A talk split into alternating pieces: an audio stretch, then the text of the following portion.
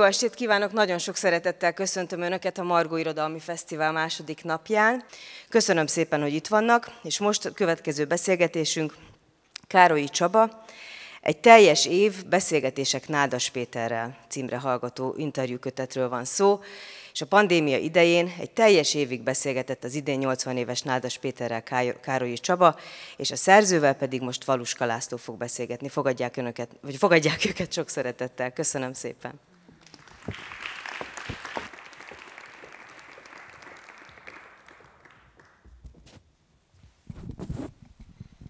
Jó napot kívánok, köszöntök mindenkit a Margon, és kiemelten téged, Csaba. Szia! Szia, szia! egy, most már azt kell, hogy mondjuk, hogy amikor Nádas Péter könyvről van szó, az nem tud vékony lenni. Egy év beszélgetései vannak a kötetben, de mielőtt a konkrét könyvtárgyra rátérünk, szeretném egy kicsit végigvenni veled, hogy neked mi a viszonyod Nádas Péterrel, és nem a beszélgetésekhez kapcsolódva, hanem, hanem mi, mi volt az első találkozásod a szöveggel, a nádas szöveggel, ez mikor történt, milyen évtizedet írtunk, ki voltál akkor, és hogyan kezdted el olvasni, illetve rögtön ez a kérdéshez kapcsolódóan a nagy vízválasztó kérdést is fölteszem, hogy 1986-ban, amikor megjelent a két ö, nagy könyv, Eszterházinak a bevezetés, a Szép Irodalomba című könyve, és Nádasnak az emlékiratok ö, könyve, akkor te melyik oldalra húztad a voksodat? Úgyhogy induljunk innen. Hát először is annyit mondanék, hogy legyen az első mondat az, hogy ma van a 80. születésnapja Nádas Péternek, és reggeltől kezdve mindenhol azt olvastam, hogy Nádas Péter ma ünnepli a 80. születésnapját. Hát ő legszívesebben szerintem nem ünnepelné, mi ünnepeljük őt, és ő most otthon van, és szűk családi körben ünnepel, holnap reggel pedig tízkor megy Berlinbe, ahol megjelenik majd ugye a rém történetek, illetve annak a bemutató bemutatójára utazik oda, majd Frankfurtba, stb. Ezt gondoltam. Ez dramaturgiailag egy másik ponton lett volna a beszélgetésbe beépítve. akkor ezt elrontottam. De végül is, akkor viszont beszéljünk arról, egy ilyen nagy ugrásra, nem fogom elfelejteni az első kérdésemet, de, de akkor rögtön menjünk bele a nádas leglényegébe, hogy miért nem ünnepli tehát hogy, a, hogy mi a viszonya a születésnapjával, ez egy nagyon érzékeny és problémás dolog, amiről ugye a világló részletekben hosszan írt. Szóval, hogy akkor mi a nehézsége ennek? Bocs, hogy bekavartam a dramaturgiába. Hát Ugye neki nagyon nehéz gyerekkora volt, és édesanyja korán meghalt, apja öngyilkos lett, és amikor anyja meghalt, akkor utána az apja elfelejtette a születésnapját, tehát egyszerűen nem ünnepelte meg, vagy nem ünnepelték meg. Tehát ez azért egy nagyon súlyos dolog lehet. A másik pedig az, hogy ő nem szereti, hogyha ünneplik, azt gondolom. A műveit ünnepeljük, és ne őt. A csapból is ő folyik, mondják most, de hát könyörgöm, kifolyna a csapból. A kortárs magyar kultúra egyik legjelentősebb alkotója, és hát szeretném, ha elhangozna, hogy szerintem a legnagyobb élő magyar író, de ezzel aztán semmi nagyot nem mondtam. És akkor most jussunk vissza az első kérdéshez. 86 a döntési helyzet, illetve hogy te mikor találkozol először a nádas szövegekkel? Én Balassa Péter szemináriumokra jártam a 80-as években, kritika szemináriumot tartott, ott találkoztam először nádas szövegekkel, az Egy családregény végével, és akkor készült már az emlékiratok könyve. Fejezetei megjelentek például a jelenkor folyóiratban, vagy a régi mozgóvilágban, és akkor azokat olvastuk és elemeztük. Nekem nagyon nagy élmény volt 86-ban, amikor megjelent az emlékiratok könyve egyben, és azt tudom mondani, hogy Eszterházi vagy Nádas, hogy nekem mind a kettő.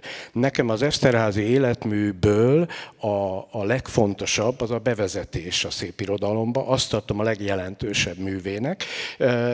Nádasnál már nem tudnám megmondani, hogy, a, hogy a, az emlékiratokat, vagy pedig a párhuzamos történeteket tartom-e a legjelentősebb művének. Én mind a kettőt nagyon szerettem, és személyesen szerintem a 80-as évek végén, 90-es évek elején találkoztunk először. Én a Nappali Ház folyóiratot szerkesztettem akkor, és oda ő sokszor adott írást,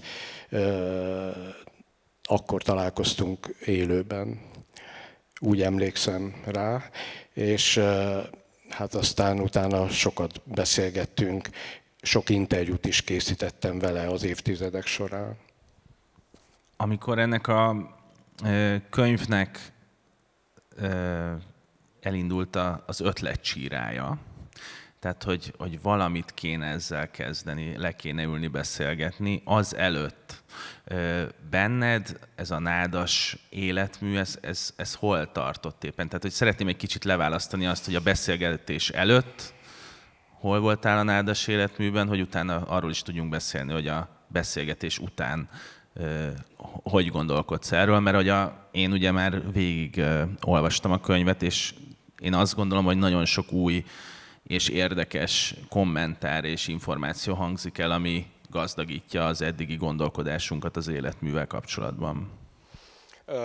Én sokat írtam is a könyveiről, tehát kritikákat is írtam. Két nagy interjút csináltam akkor, amikor megjelent a párhuzamos történetek, meg akkor, amikor a világló részletek megjelent. Ezek annak idején az élet és irodalomban voltak ezek az interjúk, és ezt a két interjút egy az egyben át is emeltük ebbe a könyvbe, mert úgy gondoltuk, hogy nem érdemes újra beszélni róla, mert az teljesen megvolt. Tehát én tulajdonképpen 80-as évek óta olvasom folyamatosan. Ha megjelenik egy könyv, akkor olvasom. Az egyik olyan magyar író, akinek minden könyvét olvastam, vagy talán majdnem minden fontosabb szövegét olvastam. És az történt, hogy, hogy amikor ott Annának voltak ezek a beszélgetés sorozatai, akkor újraolvastam először a, a párhuzamos történeteket, utána talán így volt sorban az emlékiratok könyvét, és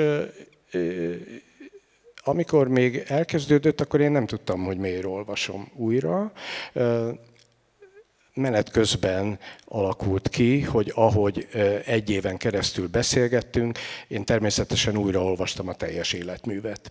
Tehát mindent elolvastam, és amiben másképp látom most, mint előtte, én nagyon, nagy, nagyon szerettem a családregényt. És most, hogy újraolvastam, az nálam kevésbé fontos most, mint volt három éve vagy öt éve nagyon kiváló regény, de nekem nem volt annyira fontos. Ezzel szemben az évkönyvet már szinte teljesen elfelejtettem, és most, hogy újraolvastam, azt találtam, hogy az egy, az egy remek könyv, és 30 éve nem nagyon vettük észre, amikor ez megjelent, tehát az nálam egy kicsit megemelkedett. Az egyébként a kötetben úgymond tematizálódik is, hogy a, neked az évkönyv az menet közben más polcra került, és ott el is hangzik ennek a környékén az, hogy az autofikció szó talán, és azon gondolkodtam, hogy lehet, hogy ez a nemzetközi trend, ami mondjuk a Karl Uwe elindult így a világirodalomban, az segítette hozzá, hogy újraértékeljük az évkönyvet, vagy ez önmagában is egy újraértékelésre okot adott volna. Ez is benne van, biztos, de egyébként önmagában az egy nagyon személyes könyv. Egy olyan pillanatban jelent meg. És az is egy évnek a története. Egy évnek a története. Na most hát ráadásul ugye itt ez a könyv is egy, egy év beszélgetéseit tartalmaz, egy kicsit rá is játszik arra, ahogyan az évkönyv is ö, úgy épül föl, hogy, hogy minden fejezet egy hónap, tehát március, április, május, stb. Itt is ugyanez van, ez nem véletlen, ez direkt van, de hogy igazából az egy annyira személyes könyv, és minden olyan motivum, vagy fontosabb hívószó, ami a nádas életműben bárhol előkerül, az évkönyvben megtalálható. És ezt annak idején nem nagyon vettük észre, szerintem azért nem vettük észre, mert akkor éppen forrongott a, a politikai helyzet, a társadalmi változások, minden. Erre figyeltünk elsősorban, nem pedig arra, hogy az életműben milyen a szerepet játszik az évkönyv. A 90-es évek végén Miancsik Zsófia rögzített egy inter, vagy hát interjúkat rögzített Nádas Péter, amiben 2000-es évek elején jelent meg a Nincs mennyezet, Nincs födém címmel, ami egy hasonlóan vaskos interjúkötet.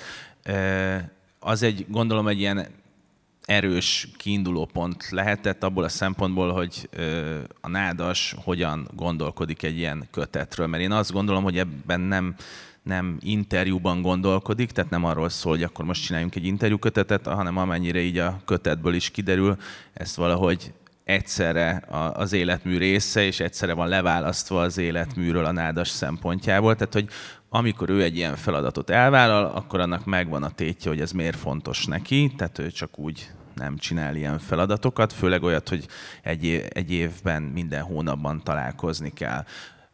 Mi volt az az ötlet, amivel annak idején a Pétert megszólítottad, hogy ezt kezdjétek el ezt a beszélgetés sorozatot, és mivel tudtad felcsigázni az érdeklődését?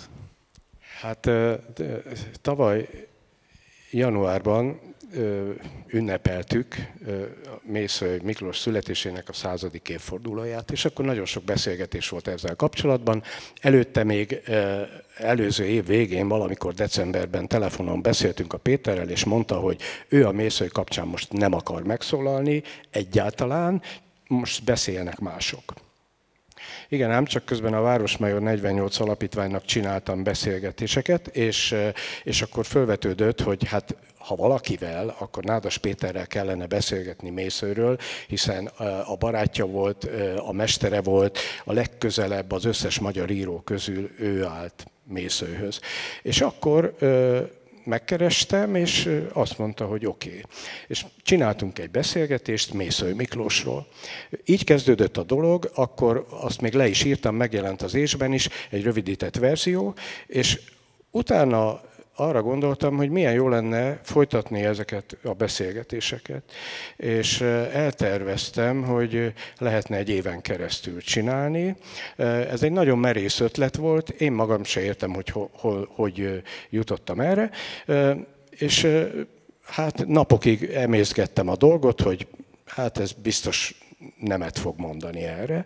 És megkérdeztem a kiadót, hogy egy ilyen kötethez volna kedvük, vagy egyáltalán mit szólnak hozzá, és aztán a Pétert is megkérdeztük, és igen mondtak.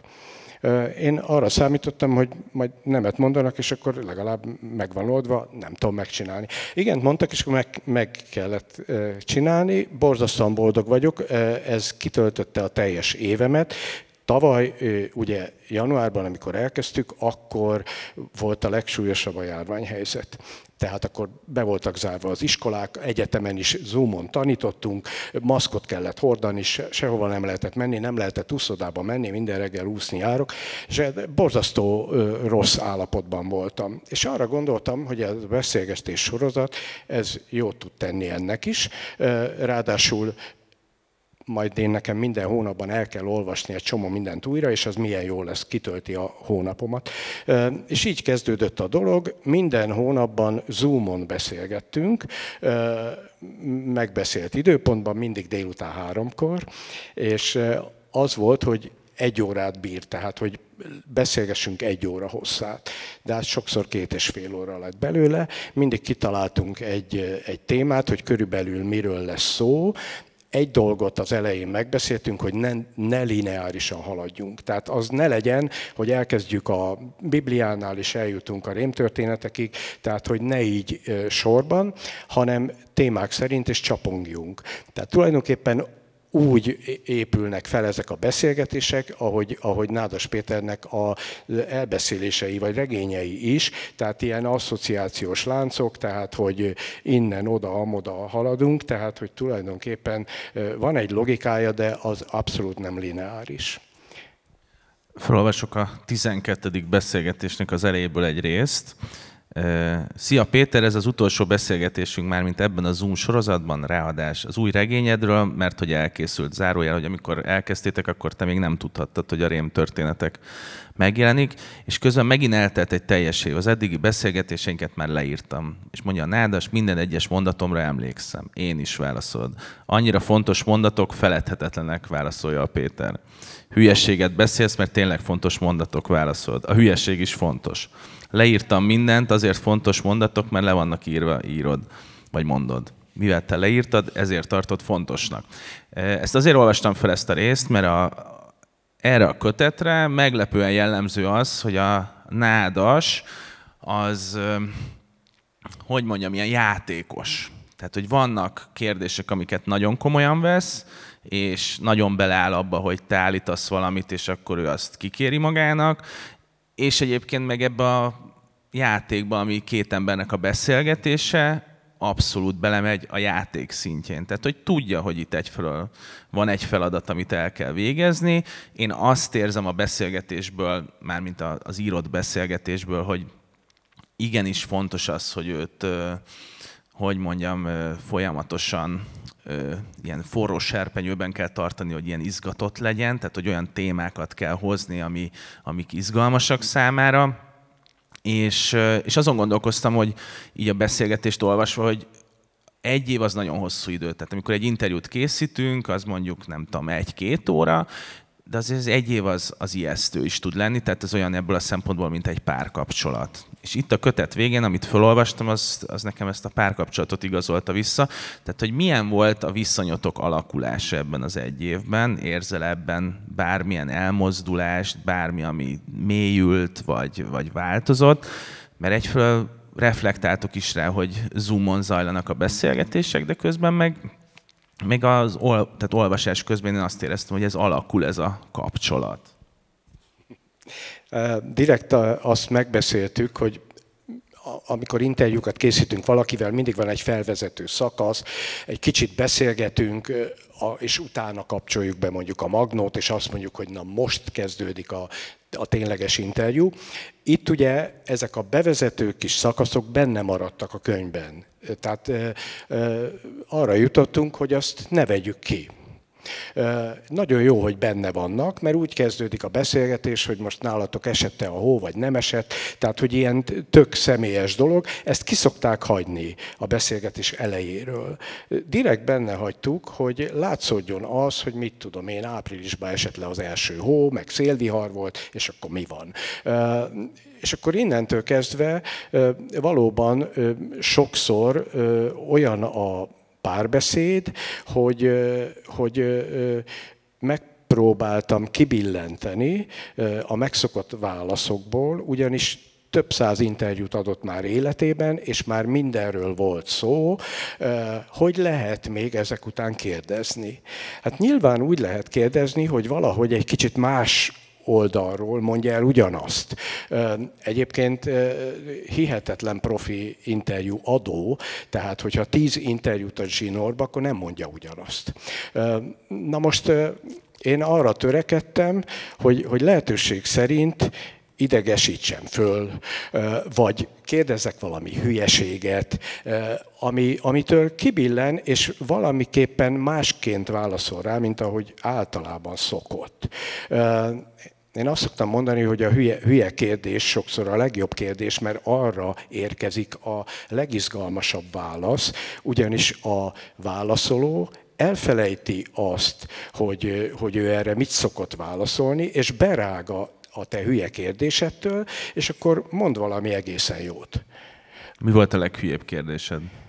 Jaj, hát nagyon sok hülye kérdésem volt. Nekem a kedvenc kérdésem ebből a szempontból az volt, nem hülye kérdés, de ami azt éreztem, hogy ezt aztán tényleg én, senki nem merné megkérdezni a Nádas Pétertől, ülve vagy fekve olvasol. Tehát az, hogy ez egy interjú kötetben elhangzik, ez tényleg le a kalappal. Igen, és egyébként fekve, de félig ülve. Tehát, komoly dolgokban is kibillentettem, tehát hogy amikor mit tudom én a szerelemről vagy a, a testiségről kérdeztem, tehát hogy miért kell ilyen részletesen leírni mondjuk egy szeretkezési jelenetet. És akkor berágott és azt mondta, hogy én ilyen hosszan írom le, más meg nem, kész, pont. Egyébként többször van ez, hogy azt mondja, hogy pont. Amikor azt mondja, hogy pont, akkor olyankor nagyon ideges, és, és érti a kérdést, de hogy nem akarja ezt itt tovább fokozni. Mellesleg én a legbüszkébb arra a kérdésre válaszra vagyok, amikor megmertem tőle kérdezni, hogy mi a kedvenc fagyia, fagylaltja. Ugyanis az volt, hogy nyáron volt ebben a kapcsolatban egy mélypont, úgy, ahogy mondod, ö, párkapcsolatokban is szokott, egyszer telefonon beszéltünk, és azt mondta, hogy nem jó, ez az egész nem jó. Tehát, hogy ez nem fog sikerülni, mert túl, túlzottan, hogy mondjam, tiszteletteljesen kérdezem, hogy legyek ugyanolyan idegesítő, mint amilyen voltam 15 évvel ezelőtt, amikor a párhuzamos történetek kapcsán kekezkedtem, hogy akkor most Kristóf, te vagy, vagy nem te vagy, ha egyszer ugyanaz az életrajza, mint neked, és akkor ezen jól össze tudtunk veszni. És én nagyon irigylem az angol száz interjúkat, a Köves Gábornak remek interjúi vannak angol-amerikai írókkal, és ő egyszer készített egy interjút Nádassal, és ott valahogy megmerte ezt kérdezni, hogy mi a kedvenc fagylaltja, és én arra töregettem hónapokon át, hogy ezt valahova be tudjam építeni, hogy nekem is mondja el, hogy mi a kedvenc fagylatja, és akkor az úgy volt, hogy arról beszéltünk, hogy a, az Acél Györgyel, akinek köszönhető, hogy majdnem tíz évig nem jelenhetett meg sehol sem írása, egyszer találkozott a Kossuth téren, az acél várt a kocsiára, hogy vigye el onnan, és ő pedig jött a Margit-szigeti uszodából, és egy körül, körúti cukrászdában vett fagyit, és azt nyalta, és ahogy így nyalta, így mutatta az acélnak, hogy ő hogy nyal a fagyit, hogy így szoktak benyalni az acélelvtársnak, és akkor így meg tudtam kérdezni, hogy milyen fagyi. Csokoládé eper ha minden jól megy a technikai fronton, akkor szeretnénk bemutatni egy rövid részletet ebből a Zoom beszélgetésből. Most nem látom a technikus kollégákat, hogyha ti hallotok vagy láttok, akkor elindul. Én leszek a Nádas Péter hangja, és akkor te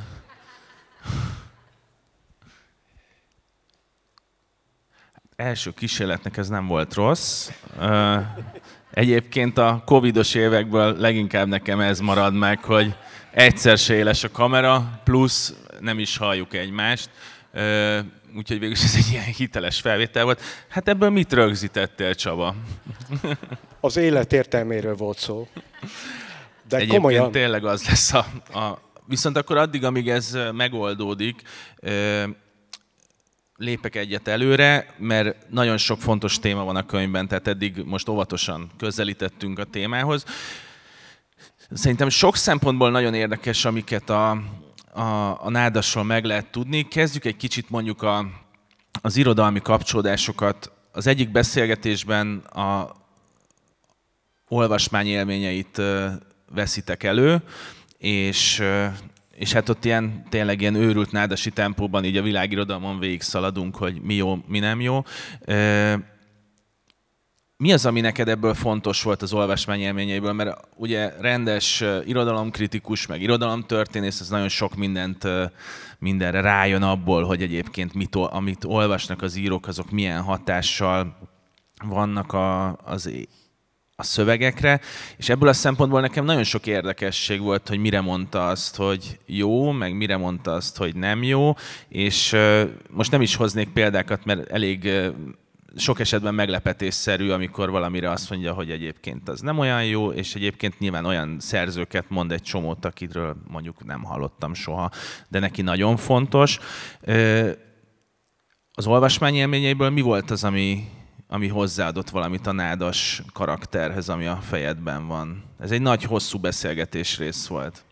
Igen, igen, tehát ugye, mert úgy kezdjük, hogy az első beszélgetés Mészői Miklósról szól. Igen, most a magyarokat és akkor hagyjuk. utána, igen, utána arra gondoltam, hogy nézzük meg, hogy egyrészt a magyar irodalomban, másrészt a világirodalomban mi fontos neki. Most csak a világirodalmat mondjam? Most csak a világirodalmat, igen. Oké. Okay. Ugye mindenki Bocsánat, gondol... csak azért mondom, hogy a világirodalmat, mert egy kicsit ebben a beszélgetésben arra látunk rá, mint hogyha így belépnénk a Nádas Péter könyvtárába. Tehát a leírásban is benne van, hogy mennyi könyv van az asztalon ott körülötte, és ez nekem nagyon izgalmas volt, egy kicsit olyan volt, mint hogy a fejébe beköltözhettünk volna. Ugye mindenki tudja, hogy a Thomas Mann mennyire fontos volt neki, de hát kiderült, hogy azért nem csak. A muzéról sokat beszélt, kérdeztem Misimáról, nagyon sok olyan szerzőt említett, aki tényleg nincs is meg magyarul, tehát ő németül olvasta, de mondjuk olasz szerző, és így tovább. Ami nagyon furcsa volt, hogy miután végigvettük így a Erod Brodkiig például, tehát a, a, a, még a amerikai írót is megnevezett, kérdezett többet, de amikor kérdeztem, hogy az amerikai, a kortás amerikai irodalmat szereti-e, akkor azt mondta, hogy nem nagyon, de hogy föl tudja sorolni azokat az amerikai szerzőket, akiket nem szeret. De azért olvasta.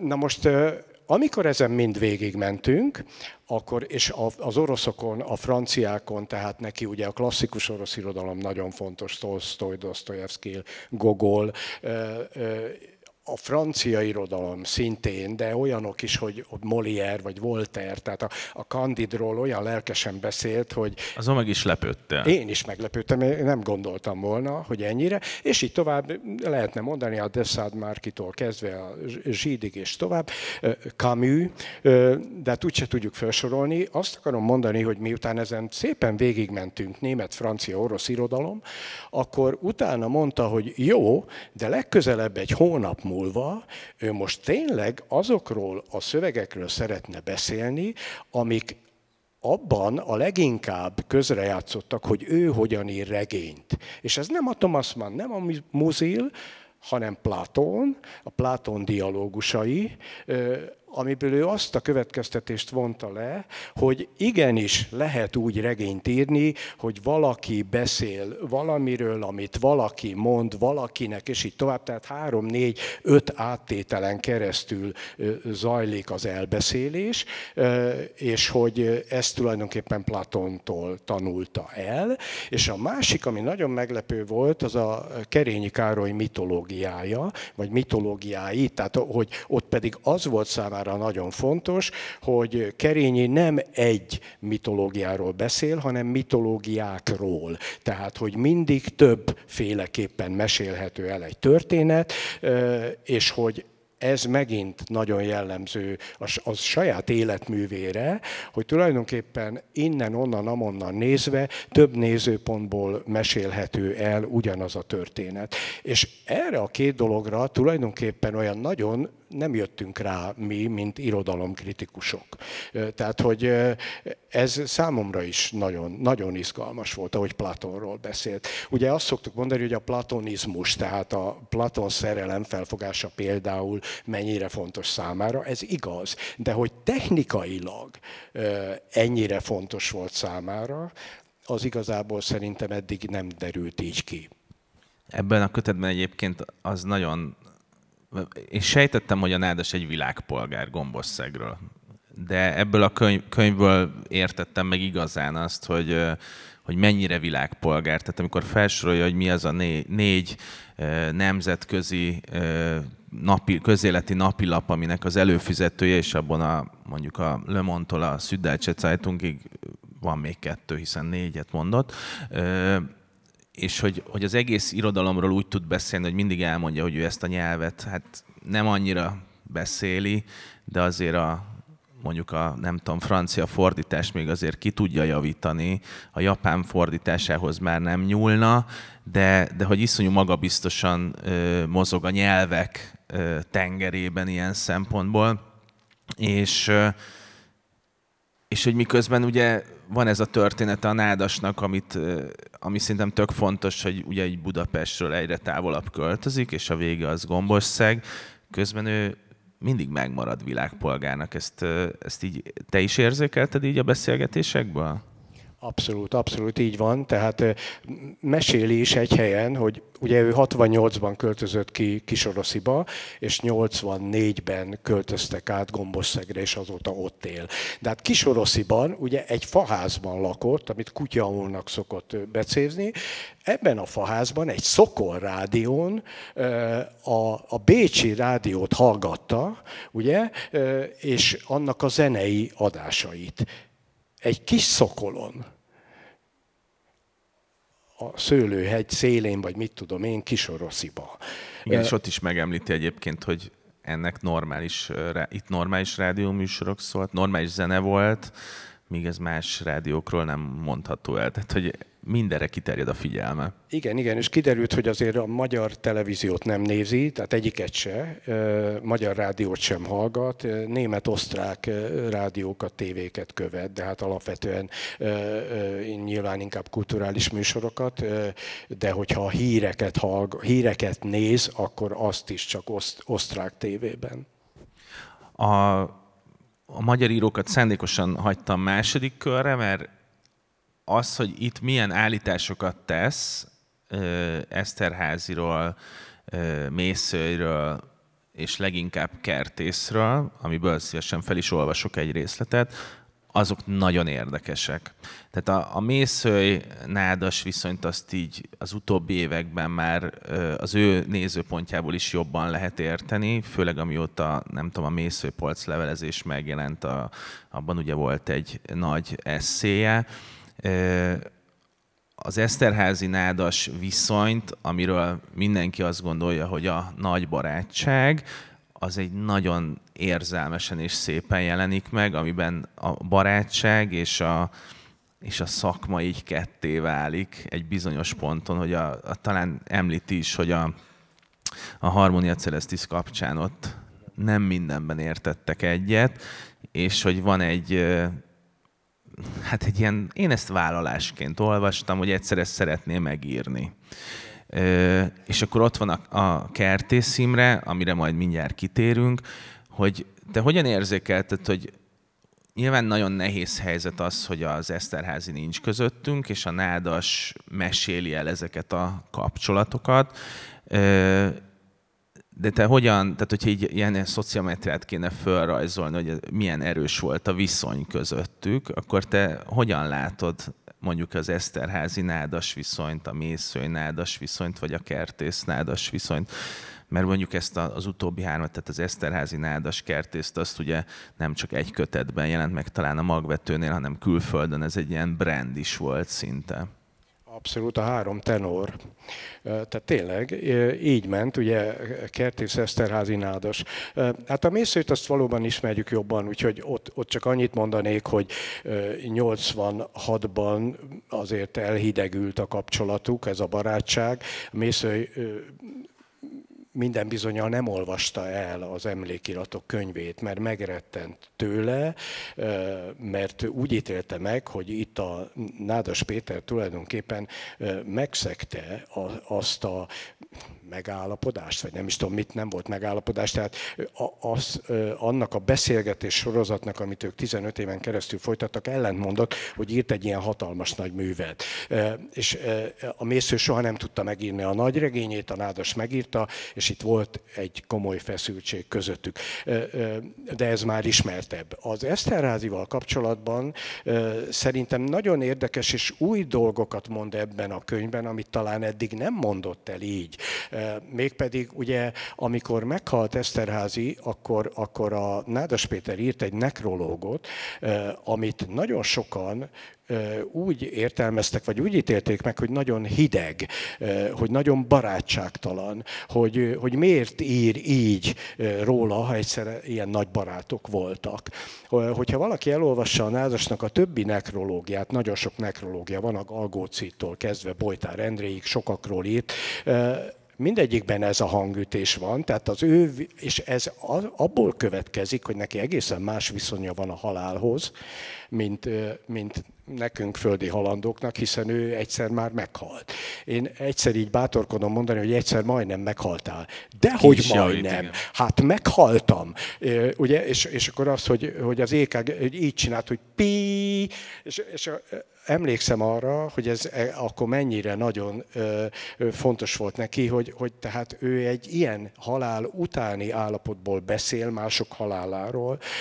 Ebben a könyvben szerintem igen erősen bizonyítva van, hogy mekkora nagy barátság volt ez, tehát igen komoly kapcsolat volt közöttük évtizedeken keresztül, ami nem csak szakmai, tehát nem csak arról szólt, hogy, hogy ő, mint, ők mint két író megbeszélték a dolgaikat, hanem valóban nagyon nagyon szoros kapcsolat volt. Ez biztos. A, hogyha fölolvasok egy részt a kertészhez, amit a kertészről mondott, az a kérdésed, hogy Kerti Szimiréről egyszer rendkívül profi és szeretetteljes tudósítást írt el. Mikor a Jean Amery díjat átvette 2009-ben Frankfurtban. Páratlan pillanat, az élet és irodalom olvasóit tudósítottad az eseményről. Jó újságírókat választottatok a beszámolóírásra. Sokat voltál együtt kertésszel külföldön, korán fölhívtad a figyelmet a Holocaust mint kultúra című eszélyre. Milyen volt a kapcsolatod vele? Nem fogom felolvasni az egész választ olyan látszat keletkezett, mintha barátság lenne közöttünk, és én kétségtelenül több, mint előzékeny voltam vele. Milyen respektáltam őt, de enyhén szólva konfliktuózus volt a kapcsolatunk. Számomra volt a terep göröngyös, és akkor ez itt folytatódik, és uh, ahogy nevetett, abban volt valami félelmetes, valami monstruózus. Minduntalan azt kellett kérdeznem, vajon koncentrációs tábor nélkül is író lett volna belőle, vajon ugyanígy, ilyen demonstratívan és gáttalanul nevetne, hogy milyen lett volna. Már a kérdés megengedhetetlen. Sem a sorsát, sem a nevetését nem lehet belőle többé kivonni. Kiből lehet a koncentrációs táborok történetét kivonni? Senkiből, belőlem se. És akkor itt folytatódik, ami pedig a politikai nézeteit illeti, elvetemült kispolgár volt, rasszista, az Isten adta. Hogy le, nem lehetett levakarni róla, vagy kizökkenteni belőle, zsidózott. A zsidó öngyűlölet örömére nem volt reflexiója, úgy zsidózott, hogy az antiszemiták zsidóznak. Én ezt azért még így nem olvastam Nádas Pétertől. Igen, amikor erről beszéltünk, utána, mikor ezt leírtam, akkor bennem fölvetődött, hogy ezt majd esetleg kihúzza, hogy ne legyen. Engedted volna? Volt ilyen megállapodás közöttetek, hogy ami, ami elhangzik, azzal mi lesz? Hát ugye interjú készítésnél mindig az van, hogy az ember leírja, amit az interjú alany mond, majd utána elküldi neki, és akkor ő finomítja, javítja, stb. Tehát ilyenkor mindig van egy húz meg, erez meg játék, hogy, hogy akkor ezt kihagynám, de ne hagyd ki, és így tovább. Na most itt egy nagyon érdekes dolog volt. A Péter egyetlen egy kérdésemre nem mondta azt, hogy hagyjuk ki. Tehát gyakorlatilag, amit én leírtam, minden kérdésben maradt, soha nem mondta azt, hogy, hogy az ne legyen. A válaszait finomította, stilizálta inkább csak, tehát hogy gyakorlatilag tartalmilag nem módosította, kicsit kiegészítette, vagy eszébe jutott valami, azt még beleírta, de gyakorlatilag a válaszai is úgy vannak lényegileg, ahogy az a Zoomon elhangzott. Ez egészen elképesztő. Én számítottam rá, hogy esetleg majd egyezkedünk, hogy ez maradjon ki, vagy másképp legyen. Nem volt ilyen. És akkor Kertész térjünk vissza egy picit. Tehát, hogy Igen. ez egy nagyon erős állítása a kötetnek. Tehát vannak érdekes részek, meg vannak izgalmas elemek, meg vannak olyanok, amik, amik a magunkfajta nádas olvasóknak iszonyú nagy örömet okoznak, hogy ilyen apróságok is kiderülnek, mint hogy ülve vagy fekve olvas, vagy hogy milyen fagyit evett, de, de azért ez, tehát hogy ezzel azért el lehet bíbelődni az irodalom történetnek, hogy akkor most itt mit is állítunk a sorstalanságról, mit is állítunk kertészről, hogy ez vajon már a kertész utolsó évei miatt történik ez az állítás, vagy már ez korábban kialakul belőle. Tehát, hogy itt, itt te mit tapogattál le? Hát Egyrészt ugye, ami a személyét illeti, valóban azt a nagyon erős állítást teszi, hogy zsidózott, tehát egy rasszista a magánéletében. Mire én akkor azt vetem föl, hogy na de neki szabad. Mire azt mondja, hogy de nem szabad, ez senkinek nem szabad. Ez a magánéleti rész. A sorstalanság, ja, és akkor utána azt kérdezem, hogy na de azért a sorstalanságot nagyra tartod, ugye? És akkor erre azt mondja, hogy hát azért van vele két nagyon komoly problémám. És akkor elmondja ezt a két nagyon komoly problémát, akkor ezt most nem mondom el. És, és azt mondja, hogy ő ugyan nagyon nagyra tartja a sorstalanságot, de hogy ő megbeszélte a kertésszel ezeket a problémákat is. És hogy élete végén a kertész azt üzente neki, hogy igen, nem volt elég ereje, hogy azt a dolgot, amit a kommunistákkal kapcsolatos a probléma, hogy azt rendesen megírja, kibontsa. Tehát ebből én arra következtetek, hogy a kertész értette, hogy mi a kritikája Nádas Péternek. Tudnélik, hogy a Köves Gyuri hogy menekül meg, ugye, és kik mentik meg, és hogy logikailag nem lehet más, mint hogy a kommunisták mentették meg, és utána, amikor a hazajön, akkor ugye végül is Kertész Imre, mint magán személybe is lép a kommunista pártba. Tehát nyilvánvalóan itt van egy olyan összefüggés lánc, ami, ami a sorstalanságból egy kicsit ki van hagyva, vagy, vagy el van kenve, vagy egészen pontosan a kertész ezt nem tudta megoldani. Na mindegy, a másik azzal kapcsolatos, hogy egy kisgyerek megérkezik Auschwitzba, akkor hogyan látja a Schneidig német katonákat. Tényleg, tehát szerintem olyan szempontból nagyon érdekes, hogy én emiatt kedvet kaptam újraolvasni a sorstalanságot, mert tényleg nagyon erős kritikai nézőpontja van, és Nádasnak mindig lehet annyiban hinni, hogy meg kell próbálni megérteni, hogy mit mond.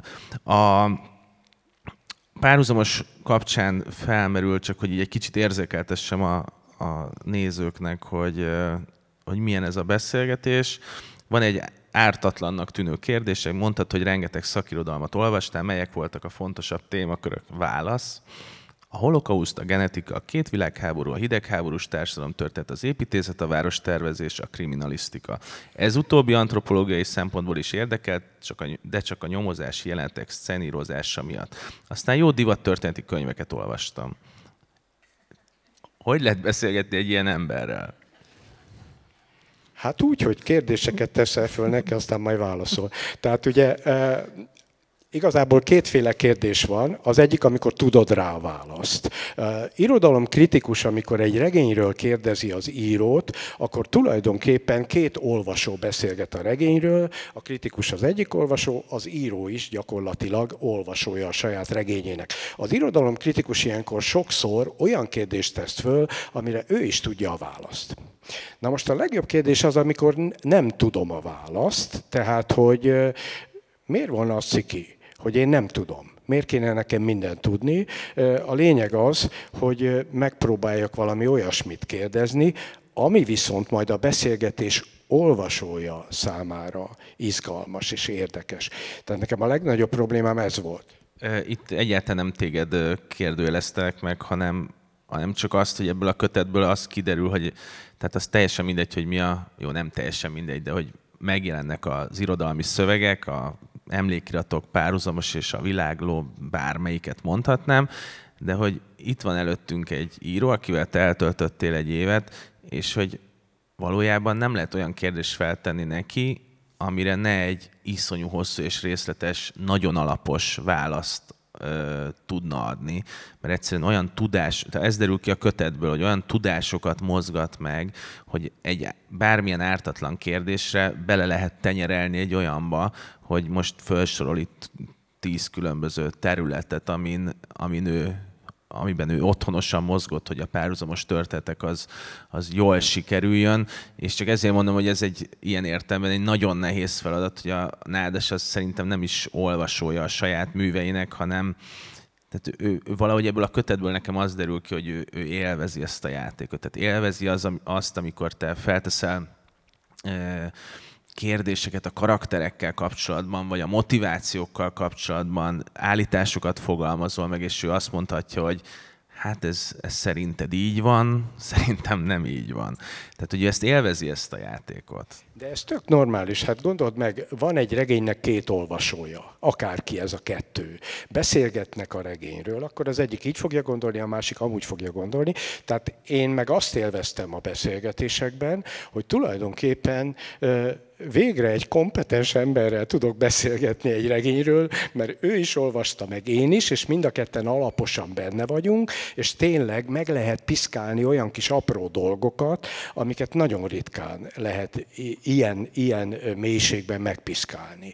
Tehát ezek engem tényleg érdekeltek, és tényleg kíváncsi voltam arra, hogy milyen válasz fog érkezni, bár sajnos nagyon sokszor sejtettem a válaszokat. Egyetlen egy olyan fejezet van, ahol tényleg abszolút nem vagyok kompetens, ez a fényképészet, tehát ugye egy fejezetet szentelünk ennek is, és hát én ott kellett a legtöbbet dolgozzak, hogy, hogy mindennek utána járjak, mert én ehhez tényleg nem értek. És mint a rossz riporter, azzal kezdtem, hogy hát Péter, én ehhez nem értek.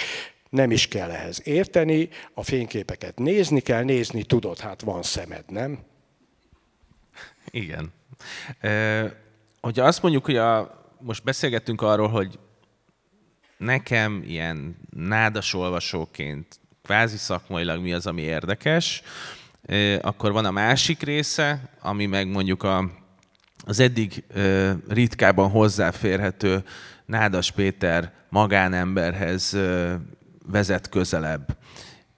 Azért alapvetően tényleg jelentek meg tanulmánykötetek, mindenféle eszék, interjúztunk Nádas Péterre és hasonlók, tehát így ebben iszonyú mélység van, hogy olvasóként, hogy mennyi mindent tudok meg ezekről a fontos kötetekről, de ott van az a része, amiről elképzelésünk sincsen, hogy ez az ember hogyan él Gombosszegen. És nagyon érdekes részek, részletek vannak azzal kapcsolatban, hogy hogyan főznek Magdával felváltva, ami kiváltja azt az időszakot, amikor ő zoomol, és azt hiszem ott talán az van, hogy egy ilyen iszonyú aranyos rész, hogy ma Magda főz, mert én ma paradicsomos cukkinit készítettem volna, ami itt terem a kertemben, vagy kertünkben, csak a rákot kellett megvenni hozzá külön.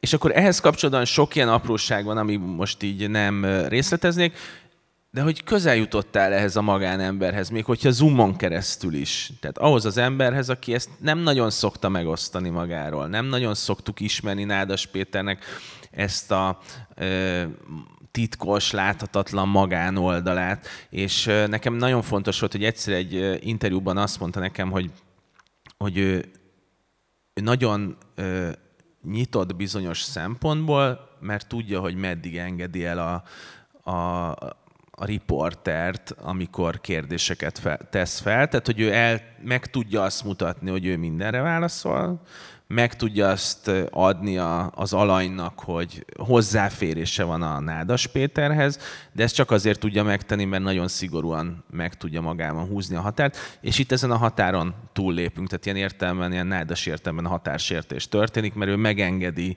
azt, hogy ilyenek kiderüljenek róla, például az, hogy a veteményessel mit kell csinálni, tehát az egy vissza-visszatérő kérdés, vagy téma, ahogy az is, hogy egyébként a szakács könyve is egyszer elkészülhet.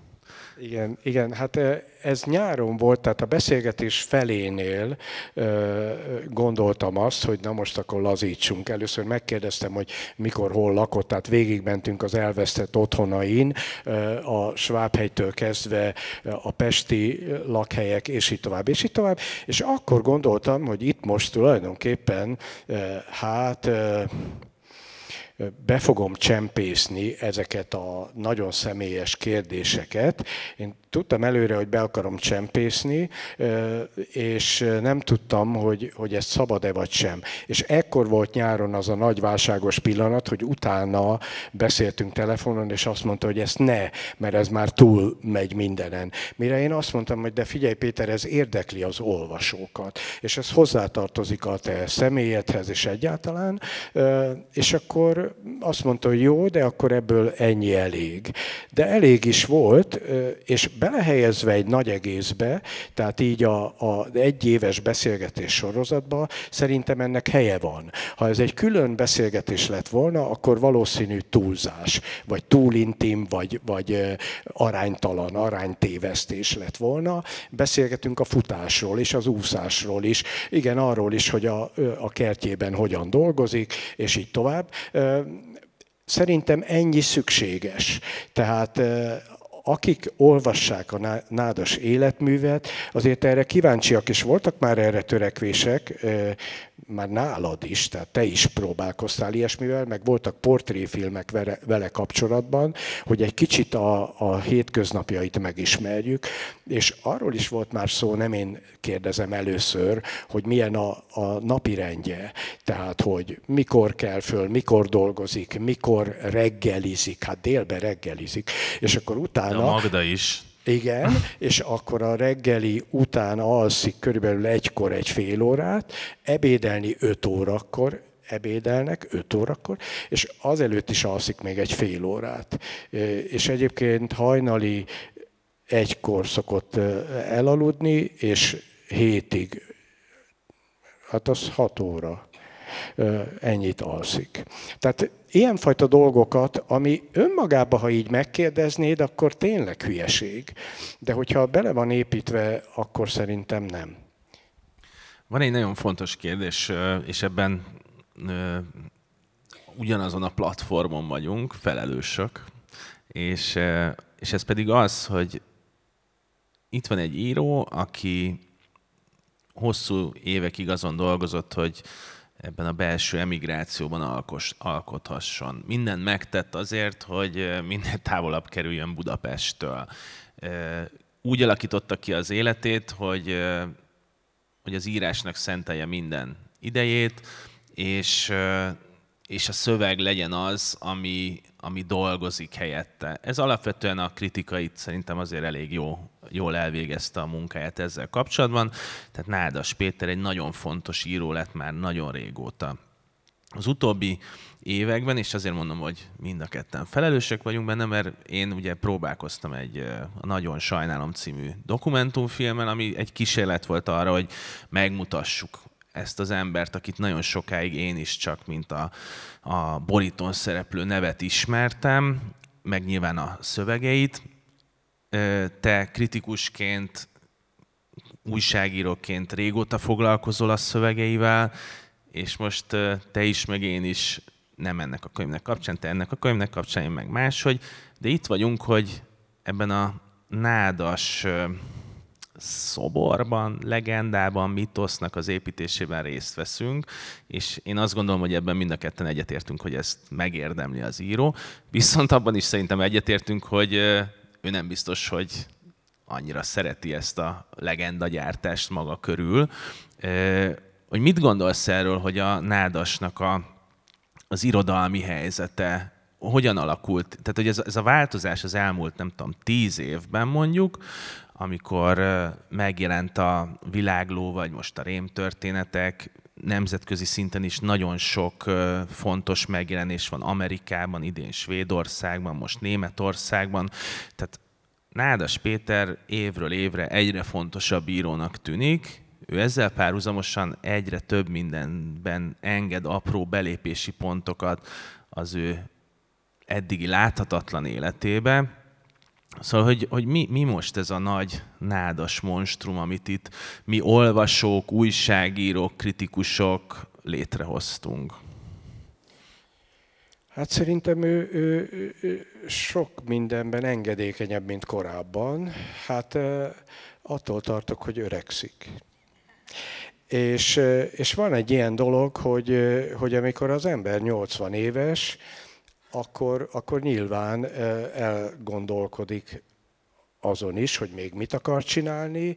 Tehát például nekem mondja, hogy még két kis könyvet mindenképp akar csinálni, az egyiket Eszterháziról, és a másikat pedig talán mészőről, tehát össze akarja szedni, amit eddig csinált, és hozzá akar írni. Valóban tök hülyeségből kérdeztem meg, csak viccből, hogy nem akarsz egy szakácskönyvet kiadni. De igen. Tehát, hogy, hogy öt éve vagy tíz éve ilyet egyáltalán nem is mertünk volna tőle kérdezni, és biztos azt mondta volna, hogy eszembe nincsen. Egyébként a feleségének van, van szakácskönyve, tehát hogy Salamon Magdának létezik egy, egy... De erről elmondja a, ködben, a könyvedben elmondja, hogy ez két teljesen másik főzési iskola. Abszolút másik főzési iskola, és azt is elmondja, hogy vagy ő főz, vagy én főzök, és egymás dolgaiban nem szólhatunk bele. Tehát ez, ez például nagyon érdekes.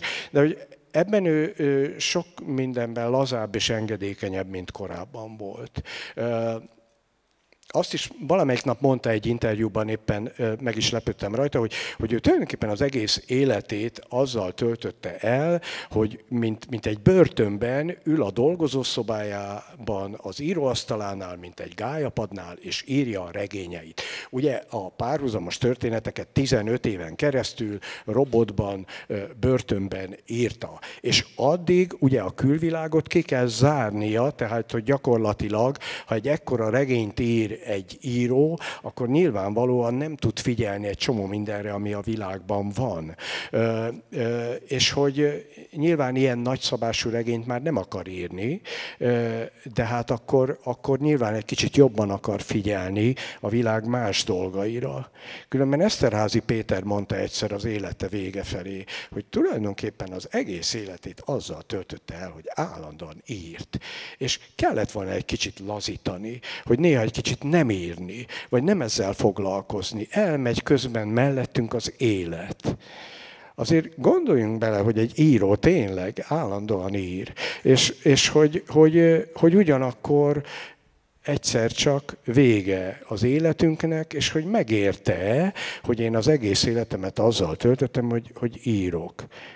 Nyilván igen, de ez egy döntés kérdése, és a döntésben az is benne van, hogy jó, akkor viszont egy csomó minden nem fog megtörténni. Mert nem érek rá.